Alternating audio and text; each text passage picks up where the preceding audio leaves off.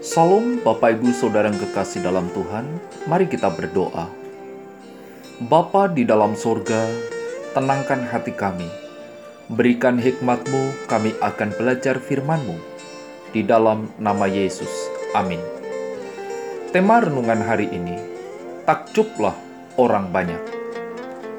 Matius pasal 7 ayat 28 berkata, Dan setelah Yesus mengakhiri perkataan ini, takjublah orang banyak itu mendengar pengajarannya. Arti kata takjub adalah kagum, heran akan kehebatan, keindahan, keelokan seseorang atau sesuatu. Orang banyak kagum, heran akan kehebatan setelah mendengar pengajaran Yesus. Kita telah mendengar khotbah Yesus di bukit. Pengajaran Yesus memiliki arti makna yang sangat dalam pengajaran tentang etika Kristen yang sangat agung.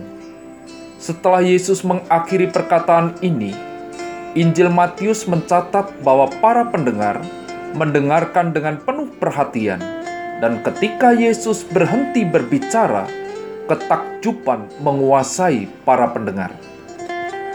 Ayat 29 menjelaskan sebab ia mengajar mereka sebagai orang yang berkuasa tidak seperti ahli-ahli Taurat mereka. Tidak seperti ahli-ahli Taurat mengingatkan kepada kenyataan bahwa ahli Taurat waktu mengajar berkali-kali mengutip pandangan para rabi yang terkemuka dan berbagai penafsiran tradisional. Sangat berbeda dengan pengajaran Yesus. Yesus membentangkan semangat baru yang menjiwai kerajaan Allah pengajaran Yesus menyajikan dalam bentuk yang berbeda-beda. Injil Matius memasukkan ke dalam wejangan itu beberapa perkataan. Yesus mengucapkan, mengajarkan pada waktu, di tempat, dan pada orang yang tepat.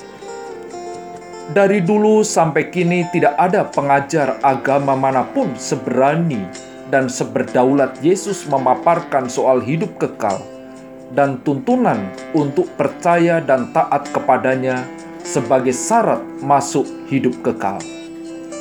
Ketika Yesus mengakhiri pengajarannya, banyak orang mengakui kuasa kata-kata Yesus itu. Yesus tidak hanya menyampaikan klaim kosong sebab kelahiran, kehidupan, kematian, dan kebangkitannya. Yesus adalah sang hakim kelak akan menghakimi dan menentukan nasib kekal umat manusia. Khotbah Yesus di bukit berisi pernyataan dari prinsip-prinsip kebenaran Allah, dengan mana semua orang Kristen harus hidup oleh iman kepada Anak Allah dan oleh kuasa Roh Kudus yang tinggal di dalam diri orang percaya. Khotbah Yesus khotbah yang luar biasa.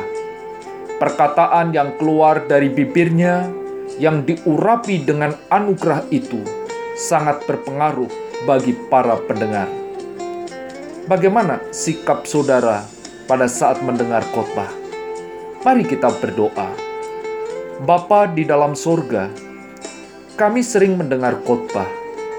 Berikan hati yang takjub akan pengajaran yang disampaikan. Kami terus belajar yakin bahwa Injil itu adalah kekuatan Allah. Di dalam nama Yesus, amin.